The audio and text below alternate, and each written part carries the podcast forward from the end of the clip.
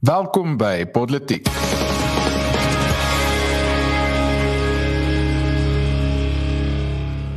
Ja, goeiedag. Uh, my naam is Paul Marits en saam in die ateljee is Erns van Sail en Daniel Elof en natuurlik vandag is ons in 'n baie bevoordeelde posisie om as gaste in ons onderhoudreeks vir Flip Buys. Flip, goeiedag. Is lekker om jou te kan gesels. Baie dankie Paul. Is baie lekker om met julle te kuier. Nou uh, flip ek dink nie jy het regtig te veel bekendstelling nodig aan meeste van ons luisteraars nie. Uh ek dink op enige gegeewe stadium met al drie van ons gewerk vir 'n organisasie wat deels deur jou gestig is of uh, of wat ten minste jou idee was. So ek dink en ons ons praat ook baie politiek oor die idees wat jy het. Ons het al jou boek bespreek en so aan. Ehm um, maar ons wil graag vandag na 'n paar uh 'n paar lekker interessante temas kyk en ons sien baie daarna uit. Erns, ek gaan vir jou oorgee dan gooi jy uh vir flip daai eerste vraag. Hmm. Ja, goeienaand Flip. Uh, ons met al ons onderhoude het ons gewoonlik 'n vraag waarmee ons inlei en dit is die vraag wat ons aan ons gaste vra rakende die drie mees invloedryke mense in hulle lewe en hoekom. Ja, wel, ehm um, ek moet sê die uh, eerste een is waarskynlik my my ouma wat uh, vir my eintlik bewus gemaak het van die by die groter wêreld, die verlede, die die geskiedenis, die groter wêreld rondom die klein plaas waarop uh, ons gebly het. Uh, uiteraard dan my ma, my ma was 'n uh, onderwyseres. Ek het my oog verloor in 'n mesongeluk uh, toe ek 5 was en ek het baie gesukkel in my grade en my ma het my die wêreld oopgemaak deur boeke. So sy het my laat lees op aanbeveling van die uh, oogspesialis en dit het my werklik waar ehm, 'n um, wêreld dan uh, dan oopgemaak.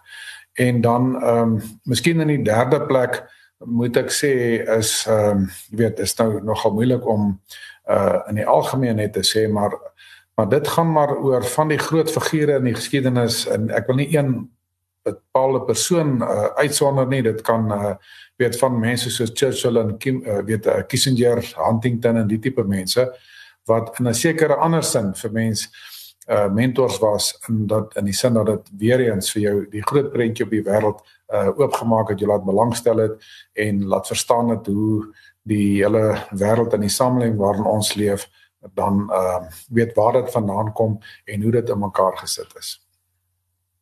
Flip nou as ek dalk uh, die die opvolgvraag gaan vra en, en ons het so voor die tyd gespot gesê nee ons ons sal nie te moeilike vrae vra en sê nee jy jy wil hê ons moeilike vrae vra jy sal vir ons maklik en eenvoudige antwoorde probeer gee.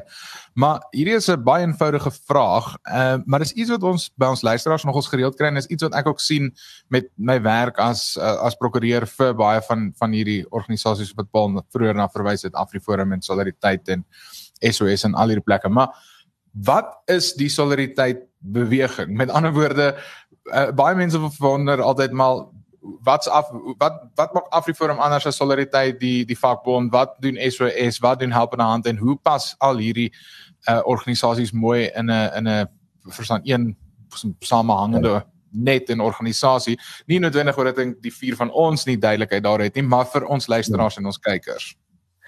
Wel, ehm um, Daniel, dis 'n kort 'n moderne help mekaar beweging. Dis 'n selfhelpbeweging van gemeenskapsorganisasies wat op elke belangrike terrein gestig is vir 'n bepaalde doel wat ek nou oor bietjie meer sal oor uitwy en wat oor hoe saamwerk en wat georganiseer is uh, onder die leierskap van die solidariteit beweging Trust uh, waarvan ek die voorste is. Nou wat ons gedoen het wat ons hele droom is is dat ons sê dat ons wil graag uh, 'n uh, toekoms skep. Uh, ons wil graag 'n blywende bydrae lewer as Afrikaner gemeenskap tot die welstand van die land en al sy mense. Nou, hoe gaan ons dit doen? Ons moet sorg dat die omstandighede bestaan vir Afrikaners om ook volhoubaar hier voort te bestaan. En uh, wat ons kry in alle postkoloniale Afrika lande het ons gekry dat die uh, geskoolde groot deel van die wel die grootste deel van die geskoolde mense het mettertyd eintlik baie vinnig uh, gemigreer en die lande kan nie so sonder uh, geen moderne land kan bestaan sonder 'n kritiese massa van uh, hoogsgeskoolde mense op alle terreine nie. So wat ons doen, ons bou die kulturele infrastruktuur wat nodig is vir ons om hier voort te bestaan. Nou 'n kulturele huishouding as ek dit so kan noem, net soos 'n huis wat jy vir jou huis bou nie om jouself van jou bure af te sonder nie, maar om jou juis in staat te stel om saam met hulle volhoubaar daar te bly. Maar 'n huis, eh, Daniel het verskillende kamers, jy het 'n badkamer en 'n sitkamer en 'n eetkamer en jy gaan slaap nie in die eetkamer en gaan eet in die badkamer nie. Elke kamer het 'n doel en hierdie kulturele huishouding wat ons bou se uh, se doel is dan sê net maar die een gaan oor onderwys wat jy nou die SWS genoem het, die een gaan oor sê net maar beroepsopleiding waar Soltech inkom, die een oor uh, universiteitsonderrig, die een oor maatskaplik waar die help aan hand inkom, een oor veiligheid waar Afriforum se buurtwagte inkom. So hierdie kulturele huishouding wat ons dan bou wil ons die mure so hoog as moontlik bou. Met ander woorde, jy wil kulturele autonomie uh wil jy hê op so hoë vlakke as wat jy moontlik kan. En die rede daarvoor is dat kulturele autonomie oftewel federalisme oftewel selfbestuur is 'n voorwaarde vir demokrasie in enige moderne land. Anders kry die situasie van die gevaar van 'n demografiese demokrasie waar die meerderheidsgroep wat toevallig die meerderheid in 'n bepaalde gebied is, eintlik 'n permanente meerderheid is en 'n permanente minderheid aan die ander kant. En en daarom sê ons ehm um, oral ter wêreld dit is nie 'n vreemde snaakse ondemokratiese opmerking nie Fransis Fukuyama wat eintlik uh, amper kan ek sê bekend staan as die liberaal demokraat het ook gesê dat 'n multietniese state is uh federalisme 'n voorwaarde vir demokrasie en dit is wat ons besig om te bou. So ons verbreed eintlik die demokrasie in Suid-Afrika. Uh flip, ek wil 'n opvolgvraag daartoe vra wat ons het nou gepraat oor natuurlik dit in Suid-Afrika aangaan dit wat die beweging wil regkry en en ook ten doel het. Maar ek ek ek wonder tog ek ek wil 'n spesifieke vraag vra met die oog op klein volke. As ons dan nou nie noodwendig kyk na Suid-Afrika nie, maar ons kyk na uh die Afrikaners self, dan sê ons ons is 'n 'n klein minderheid in 'n groot land met baie idees en dit verskil jy weet van ietsie soos miskien Switserland waar jy uh waar jy baie spesifiek uh jy weet nog steeds die Europese kultuur het waar daar miskien ietsie soos katolisisme is 'n gedeelde Frankse geskiedenis of wat ook al wat oor duisende jare trek het ons regtig volke wat wesenlik van mekaar verskil. So die gevolg daarvan is dat die Afrikaner werklik 'n klein volk is. En rede hoekom ek dit so inlei is ek ek wil um vir jou spesifiek vra wat sou jy sê is die belangrikste lesse wat jy self geleer het, maar dan ook wat jy vir die jonger generasie kan leer in terme van die behoud en die die florering van 'n klein volk. Al die probleem met 'n klein volk is wat uh, Milan Kundera, die Tsjechiese skrywer, het gepraat van die bestaansangs van 'n klein volk. Uh, as gevolg van bloot die feit dat hy gesê het hy het nie 'n uh, ewige verlede en 'n versekerde toekoms vir hom nie. Sy bestaan word deeltyd bedreig op een of ander manier deur die groter volke. Van Wyk Lou het ook gesê dat groot volke in Europa sien nou maar die Franse en so aan verstaan nie die situasie waarin kleiner uh volke weet verkeer nie. Dan is ons Afrikaners se groot probleem is nie ons klein getalle nie, maar ons eie verspreiding. Daar's meer Afrikaners, sien nou maar min of meer 2,7 miljoen. Daar's meer van ons as die totale bevolkings van lande soos Botswana, Namibië, ehm um, jy weet uh, uh, Swaziland, Lesotho, Macedonië, Letland, uh, daar hoeveel hoeveel ander lande in die wêreld, meer as 30 omtrent uh, 40 ander lande in die wêreld. Ons probleem is ons eie verspreiding. Nou die probleem is as jy eie verspreid is, is jy oral se verspreide ehm um, weet minderheid en in terme van die nasionale ekonomie is ons eintlik 'n oorpresterende minderheid en ons het in die geskiedenis gesien dat uh oorpresterende minderhede met wie dit betreklik beter gaan as as hulle as hulle bure het eintlik meer beskerming nodig uh in terme van die uh staatkunde. So dit is ons groot uitdaging hierdie verspreidheid wat maak dat jy eintlik landwyd dieselfde uitdagings het feitelik landwyd. En en en dit is praktiese goed soos veiligheid soos uh weet dat jy nooit uh, politieke seggenskap het oor sake wat jou raak nie dat jou skole uh onder druk is en dat jy heeltyd ernstig een of ander uh, uitdaging het wat maar hoofsaaklik daaroor gaan dat 'n bepaalde demografiese meerderheid wat 'n miskien 'n ander ingesteldheid het oor basiese ehm um, sake, fundamentele en grondliggende sake dat hulle neem besluite oor jou. En ons het in die land gesien nou dat uh jy weet die land word nie goed bestuur nie en uh feitelik in die noorde in elk geval alle klein dorpe uh is in die moeilikheid en uh ons sit met die verval van belangrike staatsfunksies weet oor die spektrum en en en en dis die gevolg van die situasie waarin ons is. As ek 'n voorbeeld kan noem, die skotte is omtrent 5 miljoen, die uh die hele Verenigde Koninkryk is daar meer as 50 miljoen mense en as die skotte so wyd versprei was as ons, dan het hulle ook geen seggenskap oor niks gehad nie. En maar hulle is hulle is gekonsentreer wat hulle in Skotland dan bly wat dan daartoe lei dat hulle eintlik in die in die praktyk 'n baie groot mate van nie net kulturele nie maar ook politieke uh, autonomie het in die proses natuurlik ook ekonomiese autonomie. Daar's nog baie ander sulke voorbeelde, maar uh, die ons groot uitdaging is die feit dat ons nie 'n gekonstreerde gebied het waar ons self uh, besluite kan neem nie.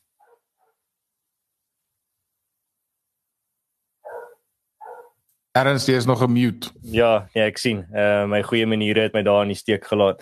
So uh as dit kom by my vraag flip, is dit meer oor 'n 'n perspektief eerder as 'n vraag. 'n Perspektief wat ek baie keer van buitelanders af kry as ek op hulle programme gaan gesels of as hulle my meningsstukke lees, dan kry ek hierdie vraag van hulle af en hierdie perspektief dat hulle kan nie regtig verstaan hoekom baie van ons Afrikaners nog hier in Afrika bly nie. Hoekom doen ons nie maar net soos van ons voorouers, soos die Franse wat hier na toe gekom het of die wat hier na toe gekom het of die Duitsers en vat ons goed en trek nie. Hoekom uh gaan ons nie maar net na groener weivelde op die in die globale uh, stelsel daar buite nie. Hoekom is van ons so gewortel hier in Suid-Afrika en aan Afrika self?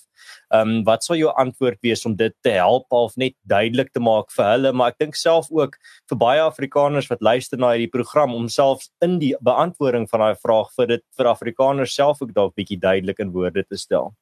En dankie RS, ek dink dis eintlik baie eenvoudig. En dit dit is dat ons nie net 'n gewone koloniale minderheid is wat hierso 'n vreemde land hierso kom beheer het en wat weer 'n ander land het om na toe terug te gaan, soos as jy genoem het die Franse en die Engelse byvoorbeeld nie. So ons het Afrikaners hier geword, ons het nie as Afrikaners hier aangekom nie. Ons het sê net maar as Duitsers of Franse of of, of Nederlanders hier aangekom.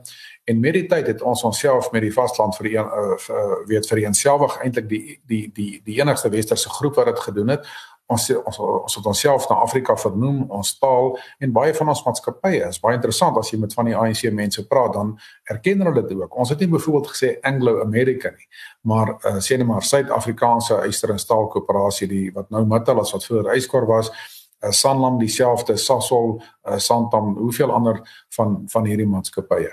Dan moet ons ook onthou dat die Afrikaner het ontstaan voor Suid-Afrika ontstaan het. Weet af Suid-Afrika wat maar vir my meer 'n landstreek as 'n as 'n as 'n land bly. Ons kan nou nou oor praat as jy as jy wil. Maar maar so uh, ons is letterlik van van Afrika. Ons ons uh, taal het hier ontwikkel, ons hele kultuur het hier ontwikkel. Ons het 'n hele ehm uh, weet moderne um, kom ons noem dit beskawing hier ontwikkel en dit sal vir my 'n tragedie wees as ons eintlik dan eintlik alles wat opgebou is oor eeue en al die opofferings wat daarmee gepaard gegaan het as ons ons rug op ons eie geskiedenis draai en uh, ons gaan na een of ander uh weet ander land toe waar ons uh werklik waar uh nadat ons vir meer as 3 eeue uh dan eintlik wortel geskiet het in vir omtrent 13 14 geslagte uh hierso gebly het. So vir my gaan dit dan eerder daaroor dat dat ons moet dit wat ons van ons voorouers gekry het weet of dit nou die markekonomie is of dit nou ons moderne westerse uh leefwyse is, ons kultuur en die instellings wat daai voortspruit. Ehm um, en dit moet ons bewaar, ons moet dit verbeter en ons moet dit deur ons instellings weer aangee vir die volgende geslag. Flip was ek so 'n bietjie amper 'n duiwelsadvokaat vraag kan vra. Daar's baie mense wat natuurlik sê wel klomp van die die hierdie instellings waarna jy verwys het, hierdie hierdie al die organisasies deel van die solidariteit beweging trust dat indien Suid-Afrika beter regeer is, indien ons regering wat uh, spraak nou van die Suid-Afrikaanse regering. Ek dink dit is dalk 'n gesprek waarby ons moet uitkom later, maar indien dit beter gegaan het, met ander woorde indien dienslewering beter is, indien ons ligte aan was en ons water in die vuil nie en daar nie slagwater was nie en al hierdie uh veranderlikes wel behoorlik nagekom word, dan sal party mense sê wel dan verdwyn amper die bestaansrede van solidariteit van Afriforum van helpende hand van van SOS. So ek dink my vraag is kom ons sê kom ons skets hierdie ideale wêreld waar ons het behoorlike skoon water, elektrisiteit. Ons skole uh, is nie onder aanval nie. Ons taal is nie onder word nie aangeval nie. En en amper hierdie ek wil amper sê die die die reënboognasie idee van 20 jaar gelede uh, werk soos wat mense eintlik wel sommige mense wou gehad het moet werk.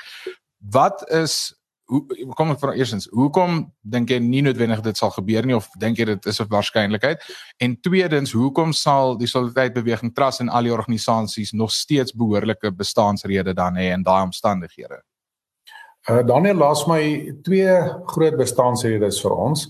Die grondliggende bestaansrede is dat enige kultuurgemeenskap het instellings nodig waardeur hy en waarin hy kan leef.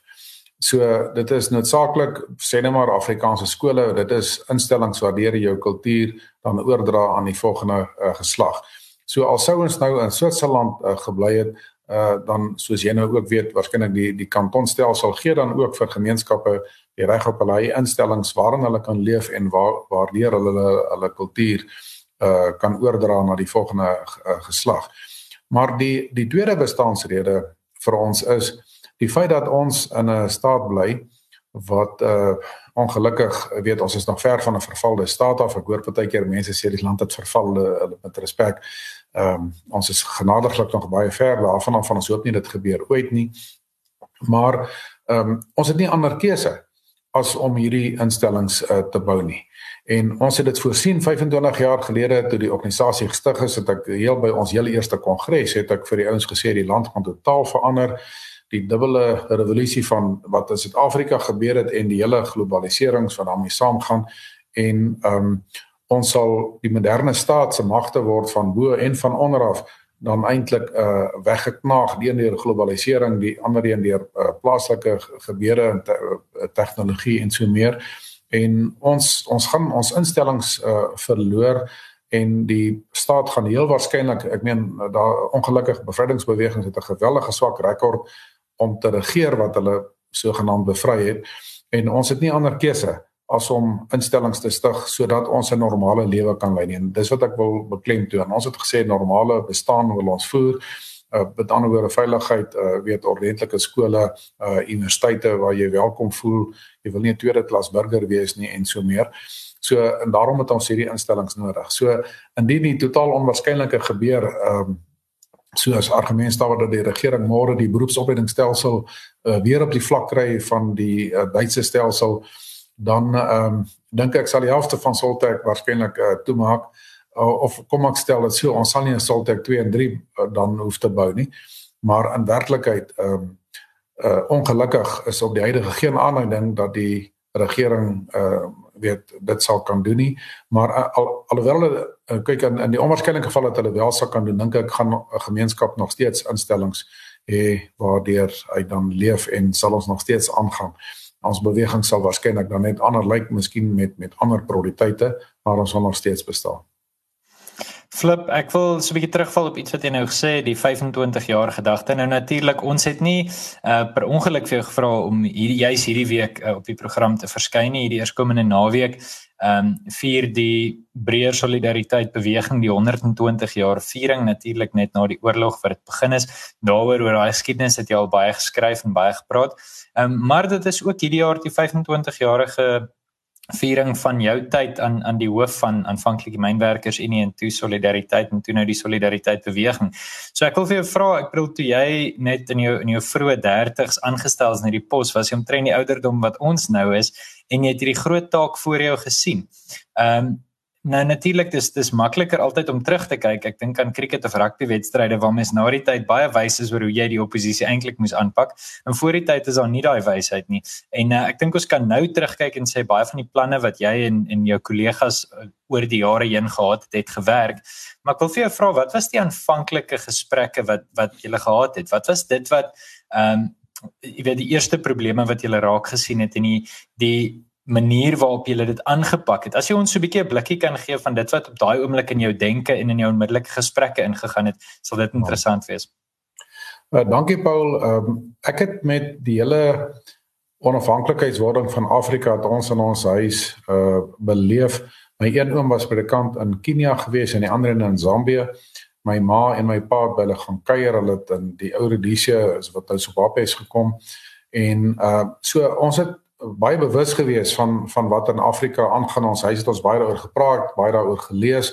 Ek het uh daardie rede ook internasionale politiek gevat en ek het geweldig baie op Afrika gefokus. Ek het op skool al uh, BBC World en en hierdie uh, radioprogramme oor Afrika geluister want dit is vir my 'n geweldige interessante kontinent. Ons neem baie keer nou meer kennis wat in Europa of Amerika gebeur. Ek ek moet eerlik sê, die meeste mense wat 'n mens van hoor, ons koerante sal baie meer skryf oor sê net maar Amerikaanse verkiesing as oor 'n verkiesing van enigiets van ons buurlande. Dis maar 'n baie klein paragraafies wat oor ons buurlande gaan. En ons huis het ons anders groot geword, baie Afrika bewus gewees. Uh uiteraard in die soos my oom sit in die 60 het hulle nou met die hele onafhanklikheidswording van Afrika het hulle gemeentelede dan teruggekeer Suid-Afrika toe. Hulle het ook teruggekeer en so in die uh, middel 70s uh, was my een broer ehm um, het hy gaan weg aan Angola destyds en hy het vir ons baie foto's gewys van die Portugese vlugtlinge en so meer. So ek het baie sterk gevoel dat met die 94 oorgang moet ons baie meer kyk na wat in postkoloniale Afrika gebeur het as wat uh na die werklikhede wat werklik daar gebeur het as wat die grondwetlike beloftes wat ons hierso gekry het rondom 94. En daarmee was ek ek wil duidelik stel nie afropessimis nie, maar ek was bietjie ervare optimis in die sin mense het gekyk wat in Afrika gebeur het. En glad nie alles was net negatief nie. Ons weet dat lande soos Botswana uh, was eintlik 'n baie groot sukses gewees, maar daar was ongelukkig ook baie mislukkings alwaar marxistiese regerings aan bewind gekom het en eintlik dan rampspoedige uh, beleidsrigtinge uh, dan aangeneem het.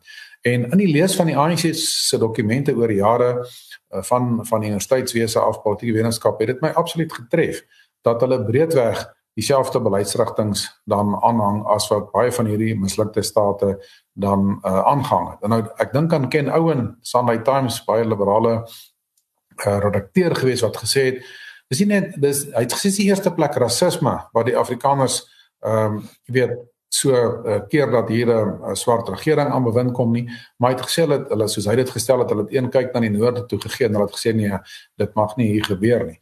Nou ehm um, so ek het maar altyd gedink ons het uh, aan die een kant 'n regeringsprobleem bedoelende as die ANC se oorvat Ek het hulle beleidsrigting so gekyk en ek het dit vergelyk met wat noord van ons gebeur het. Ek het bloot gedink dit dit gaan nie kan werk nie. So ek het nie gedink dat die uh, ANC sal die land suksesvol kan regeer nie. Ek het dit al lank uh, ek het al voor 94 het ek al daai standpunt uh, gehad. Die tweede ding is ek het ook gedink ons het 'n bedelingsprobleem. En wat ek daardeur bedoel is as jy kyk na Suid-Afrika, dan is dit 'n tipiese geografiese naam. Nou jy kan maar, maar vergelyk met Wes-Afrika of Oos-Afrika of Wes-Europa of so. Dis meer 'n landstreek met met verskillende lande daar. Nou ek wil 'n voorbeeld noem. Suid-Afrika is geografies groter as die gesamentlike oppervlaktes van Brittanje, Ierland, Nederland, Denemarke, Duitsland, België, Griekeland en Italië. As daai 8 lande. Maar ons bedeling is meer kompleks as hulle. Ons het 11 tale, ons het 11 kultuurgemeenskappe hier in Suid-Afrika. Ons bevolking is selfs meer uiteenlopend met minder wat ons saambind as wat daardie Europese lande wat ek dan net genoem het. Nou niemand sal droom om vir daardie agt Europese lande wat ek nou genoem het te sê julle moet as 'n unitêre stelsel regeer word. Enige persoon sal sê man dit moet minstens 'n federasie wees. Sentralisme gaan nie werk daar nie. Hulle werk in die Europese Unie saam, maar hulle word nie net sentraal regeer nie. So ehm um, Suid-Afrika het ek gedink is is as as landstreek is is onregeerbaar vanweë die redes wat ek nou genoem het. En tweedens het ek nie gedink die ANC sal die land kan regeer nie omdat hulle net nie die ideologiese uh, toerusting daarvoor daarvoor het nie. Hulle het met uitgediende resepte wat hulle mee gekom het. En dan het ek onthou ek het ook intensief baie op 'n persoonlike vlak van die top ANC leiers geken wat toe by Kossatu was daai tyd wat hy oorgegaan het en van die ANC uh onderhandelaars ge, ge, geword het en in my baie duidelike gevolgtrekking wat ek met hulle vir vir omtrent 5 jaar uh wil ek sê werkliks uh gewerk het toe ek by die vakbond was was dat hulle gaan toegewings maak om die mag te kry en daarna gaan hulle die mag gebruik om hulle oorspronklike doelstellings te verwesenlik. En uh natuurlik sou hulle seker aanpassings maak en so aan, maar dit was die dit was die groot prentjie en ek het bloot net nie gedink uh, dit gaan werk nie. En uh ek kan maar net een noem is hulle siening van die staat is dat die staat uh, as ek dit so kan stel 'n broodwinner is terwyl my siening was dat ek gedink het die staat is meer huishoudster. Jy weet en is 'n dramatiese verskil. Die een sê jy weet uh, ons gaan vir julle sorg, die arme sous ook raans die middelklas, BE, die elite uh uh ek sê tog die middelklas affirmative action en die elite BE, as ek dit nou kan baie vereenvoudig en die die weet amper half bietjie van 'n stem vir 'n lewe. En terwyl uh, ons glo maar die staat met die omstandighede skep, die huishoudser met die omstandighede skep dat elkeen sy of haar lewe uh, goed kan kan inrig en eintlik vir homself kan sorg. En daar's 'n dramatiese verskil uh, tussen die twee. En en dit is maar die rede hoekom ek gedink het wel ons gaan nie 'n ander keuse hê nie dat uh die ANC gaan nie 'n sukses kan maak van die land nie. Ek meen die Engelse het hierdie land as 'n land probeer regeer, hulle het nie geslaag nie. Die Afrikaners het nie geslaag nie. Uh die uh ANC slaag nie. So ons het 'n regeringsprobleem, maar ons het ook 'n bedelingsprobleem. En ek het maar gedink die sentrale sentralisme gaan misluk van bo af en ons sal moet federalisme bou uh, van onder af en uh, dit is maar hoekom ek gevoel het ons moet 'n beweging stig en met my uh proses destyds uh jy weet by die vakbond moes jy verkies word het ek vir hulle gesê dit is waarvoor ek staan. Ons gaan nie 'n normale werk kan hê as jy nie 'n normale land het nie. En ons gaan nie 'n normale land hê uh weet in in weet wat ek maar genoem het die basiese goed soos 'n werkende land veilige land en so meer waar daar's nie 'n rol speel nie in Swan en uh, daarom het ek gevoel sal ons uh, sal ons 'n uh, ehm um, gemeenskapsinstellings moet stig omdat ons uh nie to, uh, toegang gaan hê of baie moeilike toegang gaan hê tot die staatsinstellings of dat die staatsinstellings nie sal werk nie. So dis maar in kort die rede vir die beweging destyds. Hmm. Uh flip my vraag is tweeledig en dit is jy het nou genoem uh in van jou antwoorde die weste en ons het gepraat oor Afrika en ek wil eintlik dit dit terugbring na die na die solidariteit beweging toe. Uh, volgens jou, watse lesse kan eerstens die weste as as uh, Afrikaners wat 'n westerse um erfenis deel met die weste, wat kan die weste van uh, iets soos die solidariteit beweging af leer? Watse lesse? En dan Afrika ook, uh, die kontinent waar ons gevorm is as 'n kultuur soos jy dit reg genoem het. Wat kan Afrika leer uit uh, die solidariteit beweging uit? Wel ek is nou baie versigtig om te sê wat die ander by by weet by ons kan leer. Maar uh miskien moet ek net begin deur te sê dat ehm um, ek was altyd baie verbaas dat die dat die westerse lande gedink het dat die Afrika lande wat hulle omtrent vir 80 jaar as kolonies onderwerp het gaan nou baie skielik begin dink my ene die westerse stelsels en die die, die, die westerse kultuur en die stelsels wat dit onder lê uh, is nou die redding vir vir hulle ook vir die mensdom en dat hulle gaan baie plus getrou uh, weer dit nastreef. En ehm um, en dit is hoekom baie van die post-koloniale Afrika lande eintlik in opstand gekom en nie net teen hulle koloniale meesters, voormalige meesters nie, maar dat hulle hulle hulle ook die westerse kultuur en die ideologie wat daaruit voorspruit, het hulle uitgeskuif. Jy weet, ons het gesien dat ek dink hierso teen 1989 uh, uh Meredith skryf in sy boek 50 Years of Independence dat daar omtrent ehm um, weet jy kan amper sê die op die meeste 3 demokratieë in uh, in Afrika gewees wat eintlik Botswana se weet amper die enigste een is wat wat die moeite werd is weet om te noem en en vir my was dit nie 'n mislukking van Afrika soos baie mense Afri uh, Afro-pessimiste dan as jy kyk net Afrika kan nie demokrasie hê nie. Ek het dit anders gesien. Ek het gesê dis 'n mislukking van 'n westerse stelsel in Afrika. Dis die stelsel se probleem en so fout, nie noodwendig Afrika se nie. Weet, en ek het net bloot gedink, die feite gaan net wees, weet as as ek nou uh weet 80 jaar deur die westerse moondheid onderwerp was en hy kolonialisme op my toegepas en nou hy en hy gaan terug Europa toe en hy sê vir my wag so 'n bietjie, hier moet nou presies die land voortsit en regeer, net soos met hierdie kultuur en ideologie wat ons nou hierso op hele kom afdwing. Dit gaan net nie gebeur nie. Ek meen as 'n westerling glo dit is ons stelsel is is is die beste in elk geval vir die weste maar ehm um, dat ek het net nie gedink dit gaan werk om dit op ander mense dan dan dan af te dwing nie.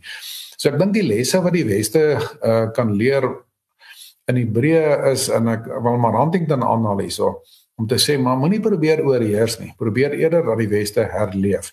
Want ek dink nog steeds dat die westerse kultuur en die instellings wat dit onder lê is die beste. Maar maar maar dit is nie iets wat jy op ander lande kan afdwing nie. Hier kan ons 'n les by die Chinese leer. Die Chinese sê hoor jy ons stelsel werk die beste vir ons. Maar maar dit kan nie sommer op enige ander land toegepas word nie en ons gaan nie sanksies teen jou toepas as jy nou die nie die Chinese of as jy nie aanval of so as jy nou nie regime change teweegbring as jy nou nie die Chinese kultuur dan dan aanvaar nie. Hulle hulle sê elke ou moet maar sy eie stelsel uh, dan kies.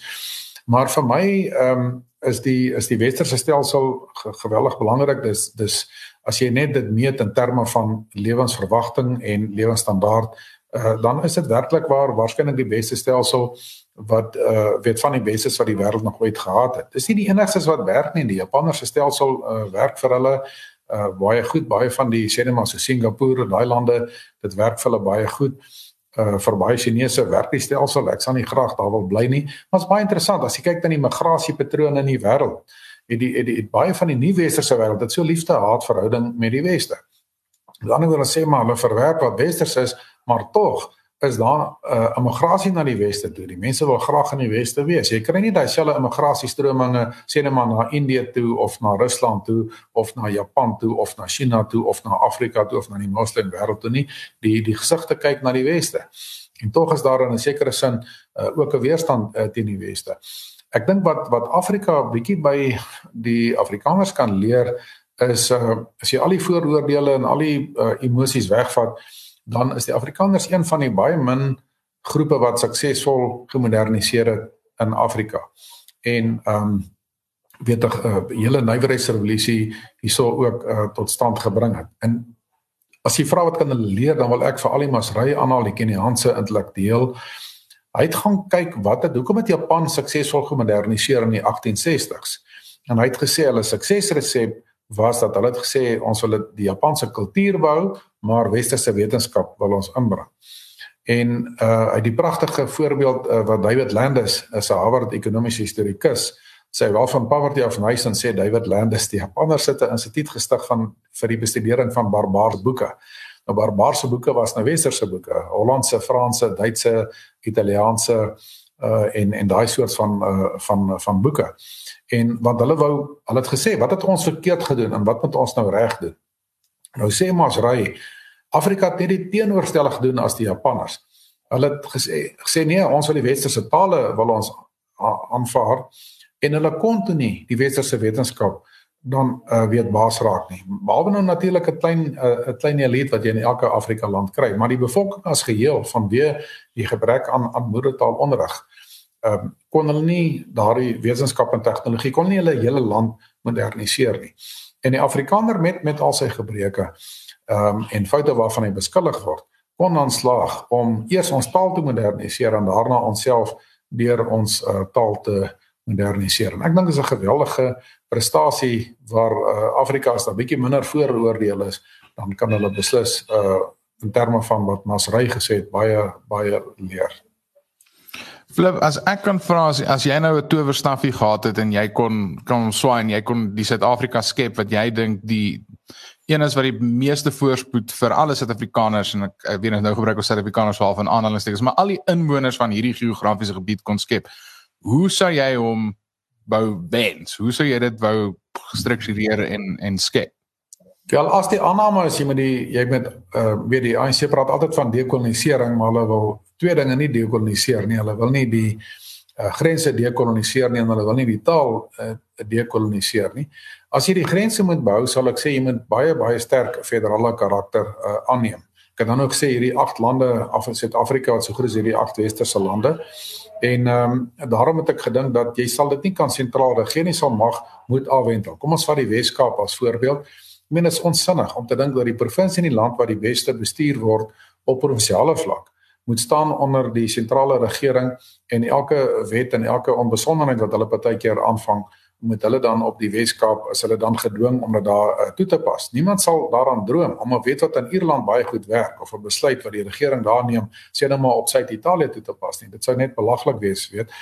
En en dit is reeds in die weerstand selfs al is die Europese Unie 'n federasie. Dit is die weerstand wat jy wat jy daar kry.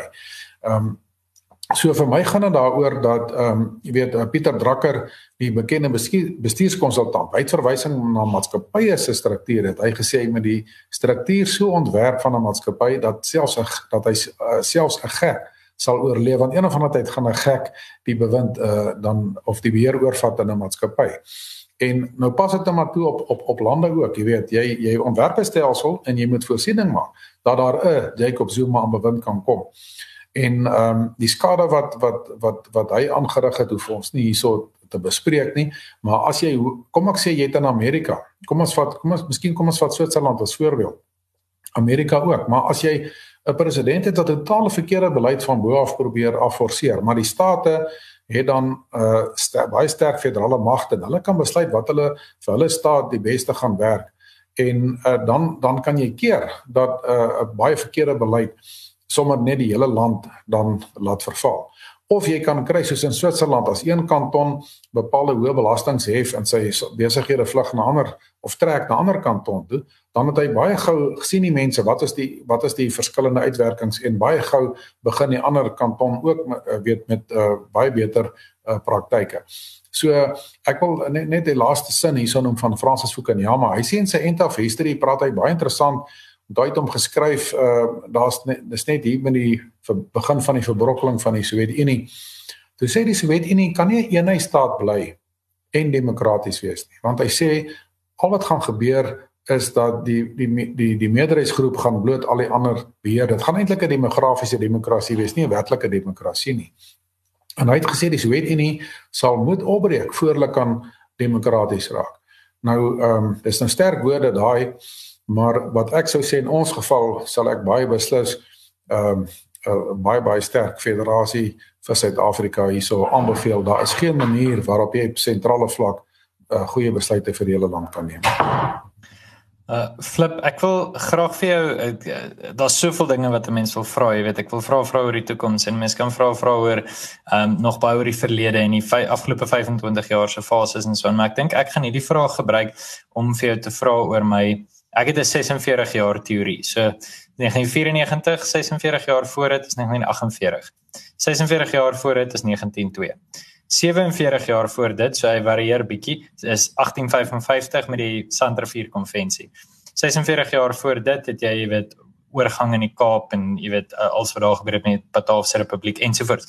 So die punt is van daar vir 200 jaar omtrent kan 'n mens hierdie tussen 45 en 50 jaar teorie toepas waar daar geweldige verandering en oms, omswaai in Suid-Afrika plaasvind.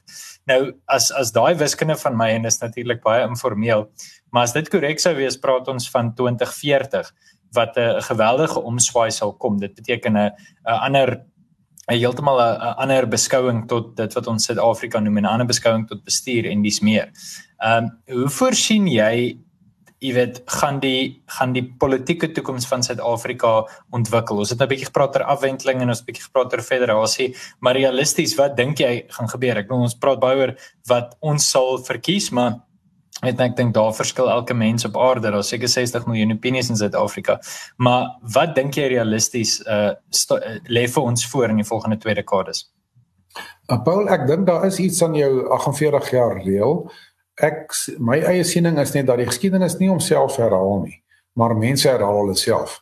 En wat miskien onderliggend aan daardie uh, uh sê net maar breedweg 50 jaar tydperk kan wees, is uh, 50 jaar as die is min of meer die geleefdheid van 'n geslag, nê. Nee. So uh dit is miskien waar dit vandaan kom want jou eerste 20 jaar as jy nog te jonk en jou laaste 10 jaar of of 20 jaar as jy as jy weet self weet te oud. So 'n uh, uh, geslag is min of meer tussen 40 en en 50 jaar en miskien uh, uh speel dit 'n rol in in in wat jy uh, dan daarso noem. Maar ehm um, ek soos ek sê, ek dink dit is dit is absoluut nie mens kan na ander daar's ander veranderlikes wat ook daarop inwerk. Ehm um, Ek het 'n ekonomiese mentor gehad, Adam Jacobs wat die hoofekonoom van Absa was en hy het vir my 'n baie interessante stelreël, twee stelreëls wat hy vir my geleer het en dit is gaan oor die wet van versnelde agteruitgang, maar ook die wet van versnelde vooruitgang. En wat hy gesê het dat as dinge begin sleg gaan, dan kry jy dat daar's daar's 'n ingeboude versneller. Jy weet, ek dink amper aan Hemingway se hoor hoe speel jy bankrot, eers stadig en dan en dan vinnig en dan en dan baie skielik, jy weet. So uh versnel agteruitgang, kom ons vat nou maar Eskom, die land se infrastrukture en so aan, dan kry jy baie keer op 'n stadium begin dit momentum dan aanneem, jy kan dit vergelyk met 'n pasiënt wat baie ernstig op sterwe lê en as die een orgaan ingee dan stamp die ander orgaan ook om en so aan en dan dan dan dan dan is die einde baie vinnig. Maar gelukkig is daar ook 'n wet van versnelde vooruitgang. En dit is uh, wat jy baie keer kry in maatskappye waar mense uh se patroon van besluitneming, die regte patroon van besluitneming is mense neem goeie besluite en van aanstellings tot beleid tot produkgehalte en so meer en jy kry die wet van versnelde vooruitgang. Dan gaan maatskappye dan uh weet baie vinniger vooruit. As ek een maatskappy hier in Suid-Afrika kan noem, is die Afrimat groep wat uh, die leier daar Andrius van Heerden vir 'n lang tyd die die regte besluite geneem het en dan kry jy 'n absolute naderhand 'n eksponensiële groei en en jy kry versnelde vooruitgang. So wat ek van dink is daar gaan seker goed in Suid-Afrika gaan baie beslis uh onderhewig wees aan die wet van versnelde agteruitgang, maar daar's ook baie dinge wat uh, wat onderhewig gaan wees aan die wet van versnelde vooruitgang. Nou ek dink waar die staat betrokke is, ongelukkig gaan dit meestal maar jy weet jy weet van versnelde agteruitgang waar die privaat sektor en gemeenskappe betrokke is, jy weet van versnelde uh vooruitgang. Maar hierdie twee het baie nou verband met mekaar. Ek gaan net een voorbeeld gebruik. Ons het vandag steeds wêreldklas medies.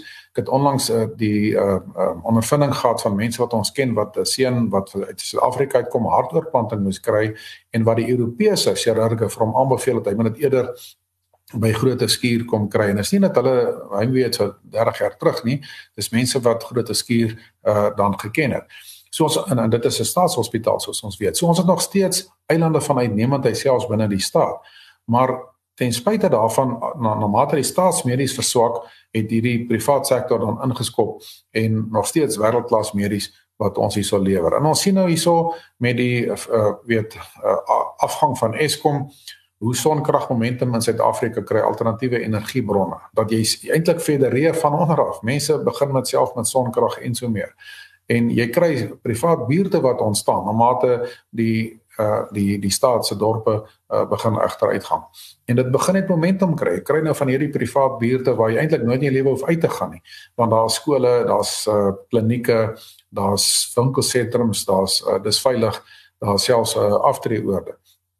En so ek dink die die wisselwerking tussen die uh versnelde afgang en die versnelde vooruitgang gaan maak dat die land eintlik 'n uh, mengsel gaan wees van wat baie lande in die toekoms gaan wees. Dis nie net Suid-Afrika nie. Die moderne staat kan nie meer sy eie strukture bekostig nie.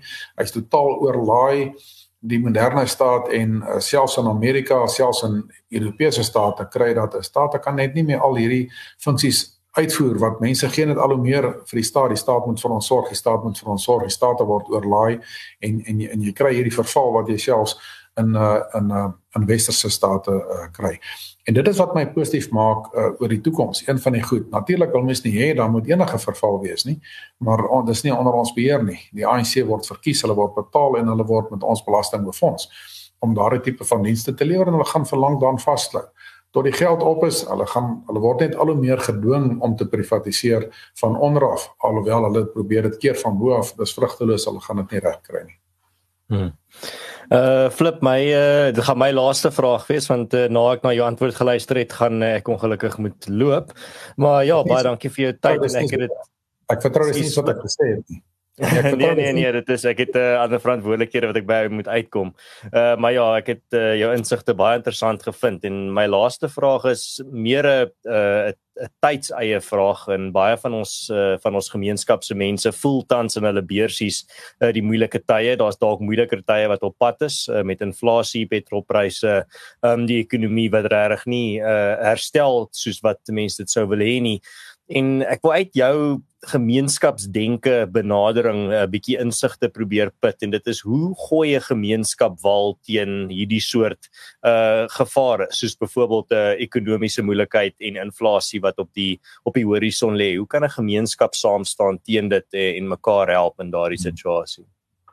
Ja, dit is moeilik. Dit is nie maklik nie. In sekere funksies is baie makliker as ander funksies sekere funksies kan jy op 'n bekostigbare manier doen en kan jy selfs 'n ekonomiese engine aankoppel met ander woorde dit kan vir homself sorg en uh, dit kan baie goed werk. Ander is baie moeilik as die polisie diens verval of as Eskom sê net maar môre totaal ophou ewe skielik krag lewer dan is dit baie moeilik. Maar in Hebreë gaan dit vir my daaroor dat ehm um, mense moet op kyk op op elke moontlike manier hoe hulle staatsbestand uh, kan word. En beginnende by die belangrikste is veiligheid, die waarskynlik die tweede belangrikste is uh, energie. Dan dan gaan dit oor dinge soos werk jy weet uh, dat mense dinge soos onderwys en dat ek dink baie meer en meer van hierdie goed gaan privatiseer maar dit gebeur op 'n manier dink ek wat jy wat sake sin maak wat beteken dat dit volhoubaar is. Dit is maar wat ek wat ek daardeur bedoel. Dan dink ek is baie belangrik dat jy nie net staatsbestand word nie maar dat ons ook selfstandig word dat ons ook uh, regtig sterk nie net gemeenskapsinstellings in die eerste plek het nie, dis geweldig belangrik, maar ook privaat instellings is. Ons hoor baie keer van public uh, uh, private partnerships, met ander woorde vennootskappe tussen die staat en die privaat sektor. En die staat gaan gedwing wees, dit is die goeie nuus, om dit al hoe meer en meer te doen. Die die die spoorweë en so meer gaan gedwing wees om al hoe meer uh, te privatiseer wat beteken dit gaan weer herstel word dit beteken dit gaan meer volhoubaar wees maar ek wil ook die die die die hele idee op die tafel plaas Dr Anton Rupert en soos jy weet Henk Skallakamp by ons beweging die voorsteur van ons sakebeen het uh, hulle dieselfde woorde uh, gebruik. Dr Rupert lankal Henk onlangs het gepraat van die vennootskap tussen kultuur en kapitaal. So nie net uh public private partnerships nie maar ook vennootskappe tussen kultuur en en en kapitaal. Met ander woorde tussen gemeenskappe en sakelei. Daar's niks wat gemeenskappe keer en sakelei keer aan sê net my Ermelo om vanaand by mekaar te kom en sê hoorie maar kom ons uh, span saam en op 'n sakegrondslag sit ons so volhoubare maak ons hierdie dorp van ons energie onafhanklik van die nuutste tegnologie nie. En ehm um, weet alles alles span saam doen dit op 'n manier wat almal in die dorp kan belê wat belangstel. Almal kan 'n opbrengs kry uh, daaruit maar almal kan ook elektrisiteit kry op op hierdie manier. En dan hoop 'n mens weet Churchill het gesê oor die Amerikaners het hy gesê uh wat hy van die die Amerikaners doen hy altyd uiteindelik die regte ding maar ongelukkig eers nadat hulle al die alternatiewe uitgetoets het. En en kom ons hoop dat die regering ook nadat hulle sien hulle het al die alternatiewe uitgetoets dat en al word hulle uiteindelik gedwing om die regte ding te doen maar kom ons hoop dat hulle ook op 'n paar gebiede die regte ding begin doen naamlik meer en meer uh, privatisering meer en meer die rol van die huishouster in plaas van die broodwinner Flip, uh 'n laaste vraag van my kant af en ons ons het net baie lekker gepraat oor oor die toekoms en en wat ons hoop gaan gebeur. Maar vir baie van ons luisteraars, veral mense wat nou eintlik maar jong werkendes is, mense wat so half hulle begin nou met hulle lewe, hulle baie van hulle begin nou gesinne en als ehm um, dit is maar realiteit dat ons sien baie van die mense soek vir groener weivelde. Hulle gaan Europa toe, Australië, Kanada en die VSA. Watter boodskap het jy vir hulle oor hoekom hulle dalk moet bly of of neem ek verkeerd aan dat jy wil hulle moet bly maar ek wil vir die mense van my en Paul weet ek dat ons redelik sterk daar voel dat die mense hier moet probeer bly en ons moet hier 'n uh, 'n suksesvolle plek probeer bou. So wat sou jy sê vir daardie mense wat nou eintlik besig is met hierdie besluite veral gegee al hierdie verval wat ons wel sien? Wel Daniel, ek sê die mense moet asseblief bly, maar hulle moenie stil bly nie. Ehm um, nee, weet jy as jy na die geskiedenis kyk, dan ons het nou weer met die uh, oorlog in Rusland Oekraïne gesien dat ehm um, mense dink verniet, jy weet 'n ander kontinent is permanent veiliger en môre immigreer hulle en dan dan uh, ek is ek is vir die eerste maal in my lewe baie bekommerd oor 'n beperkte uh, kernoorlog jy weet uh, in in Europa dit is uh, dit is 'n heeltemal 'n moontlikheid wat ongelukkig uh, kan gebeur as dit meer en meer eskaleer en dan dit is dis iets wat jy nie kan beheer nie. Uh, as ons kyk na die ehm um, sê net maar die die uh, gebiede rondom China, ek meen China kan môre besluit om om Taiwan uh, in te val. Dit is die die klimaat is uh, in die wêreld is is uh, uit hulle oogpunt gesien ehm um, is dit miskien 'n geleentheid wat hulle kan gryp en dan is dit dan is dit weer baie moeilikheid in daardie deel van die wêreld. Ek wil 'n voorbeeld noem van die Amerikaanse uh, minister van van ehm uh, uh jy weet uh, seevaart in hier in die 1910s as ek reg onthou sy van Davies. Hy het gesê die oseaan van die toekoms ag ek sien tog die oseaan van die verlede is die Middellandse See. Die ehm um, oseaan van die hede destyds was die uh, Atlanties. En hy het gesê die oseaan van die toekoms is die Stille Oseaan. Nou baie interessant, ongeveer 10 jaar gelede het die seeverkeer. Onthou 90% van alle goedere wat vervoer word word vandag nog weet op see vervoer. So is nog steeds van uiterste belang vir die vir die funksionering van die wêreld. En ons moet onthou dat die geskiedenis het altyd uh sê net maar in die Romeinse tyd. Onthou is die Middellandse See die groot veldslaa uh, of see slaa tussen die Rome, tussen die Romeine en die Kartagers byvoorbeeld uh daarna sê net maar uh, 1000 jaar daarna die groot uh, 1500 jaar ja, daarna nog steeds die groot uh, seeslaa tussen die uh, Christene en die Turke. En as jy na die wêreldoorlog kyk, Eerste en Tweede Wêreldoorlog was die Atlantiese Oseaan was was een groot slagveld. Maar die die die Stille Oseaan met China uh wat baie aggressief begin begin uitbrei, sy bure wat baie bedreig begin voel toe toevlug tot Amerika En uh die langtermyn militêre kenner sê vir jou dat die die volgende konflikpunt in die wêreld gaan waarskynlik weet in die Stille Oseaan wees. So ek dink byvoorbeeld nie 'n land soos uh Australië dit sommer net 'n blink toekoms nie. Mens uh, ek weet hulle het oor al al ander probleme waterprobleme en so aan ook. So uh, ek dink dat jy weet uh, immigrasie is 'n oplossing vir vir enkelinge. Mense wat sê ek wil vir myself 'n beter toekoms gaan soek. Dis nie 'n oplossing vir 'n totale volk nie. En hier hier is uh, mil, meer as 2 miljoen mense sal nie wel 3 4 miljoen sal nie kan sal nie kan immigreer nie.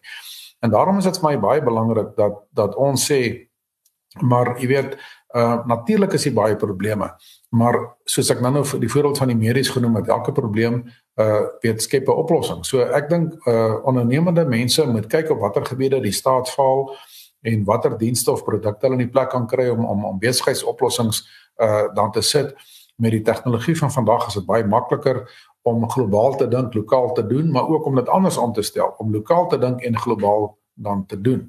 So daar's geweldig baie geleenthede uh vir mense en ek dink hulle moet ook aan die onderkant van Maslow gaan kyk, weet, uh veiligheid, veiligheidstegnologie en so meer um en uh dinge soos elektrisiteit energie. Ek dink daar's geweldig baie geleenthede vir jong mense en jy gaan nie daai selfe geweldige mededinging hê wat jy gaan hê as jy sien maar Europa of Amerika of een van daai lande toe gaan nie. Ek dink hier's baie geleenthede. Flip, uh ons sal natuurlik vir ure nog kon gesels, uh maar ek dink ek gaan met 'n laaste vraag of ek gaan 'n laaste vraag vir jou bied. Ons laaste vraag is ook altyd dieselfde. Die eerste vraag is altyd dieselfde en ons laaste vraag is dieselfde, maar die twee is nie dieselfde nie. So dis 'n uh snaakse tongknoper.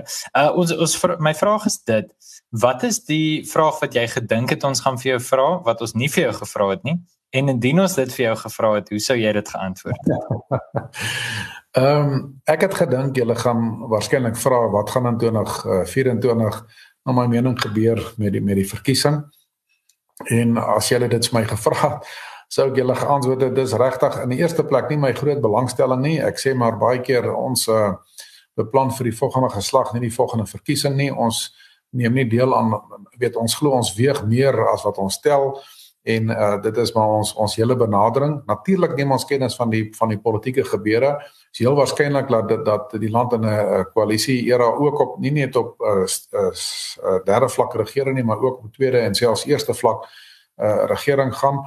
Dit is my 'n uh, 'n uh, positiewe ontwikkeling en uh, daar is natuurlik uitdagings wat daarmee uh, gepaard gaan. Maar ehm um, so dis wat ek sou antwoord, dit is my positiewe ontwikkeling maar dit is iets wat ons baie deeglik van kennis neem, maar dis nie iets wat wat ons uh uh weet op die op die voorgrond van ons beplanning het nie. Flip baie dankie. Dit was regtig heerlik en 'n groot voorreg om saam met jou te gesels. Dankie dat jy vir ons 'n hele uur van jou tyd gegee het en uh saam met ons en ons luisteraars gekuier het. Ons waardeer dit ongelooflik baie. Baie dankie. Ek waardeer dit. Dit was lekker om julle te kuier.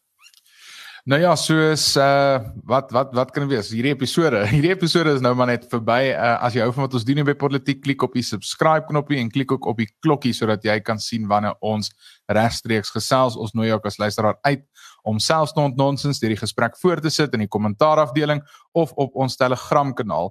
Jy kan ook natuurlik vir Politiek ondersteun deur ons borge te ondersteun. Los vir ons gerus 'n resensie met jou klagtes en gedagtes en dan sien ons mekaar weer met die volgende episode.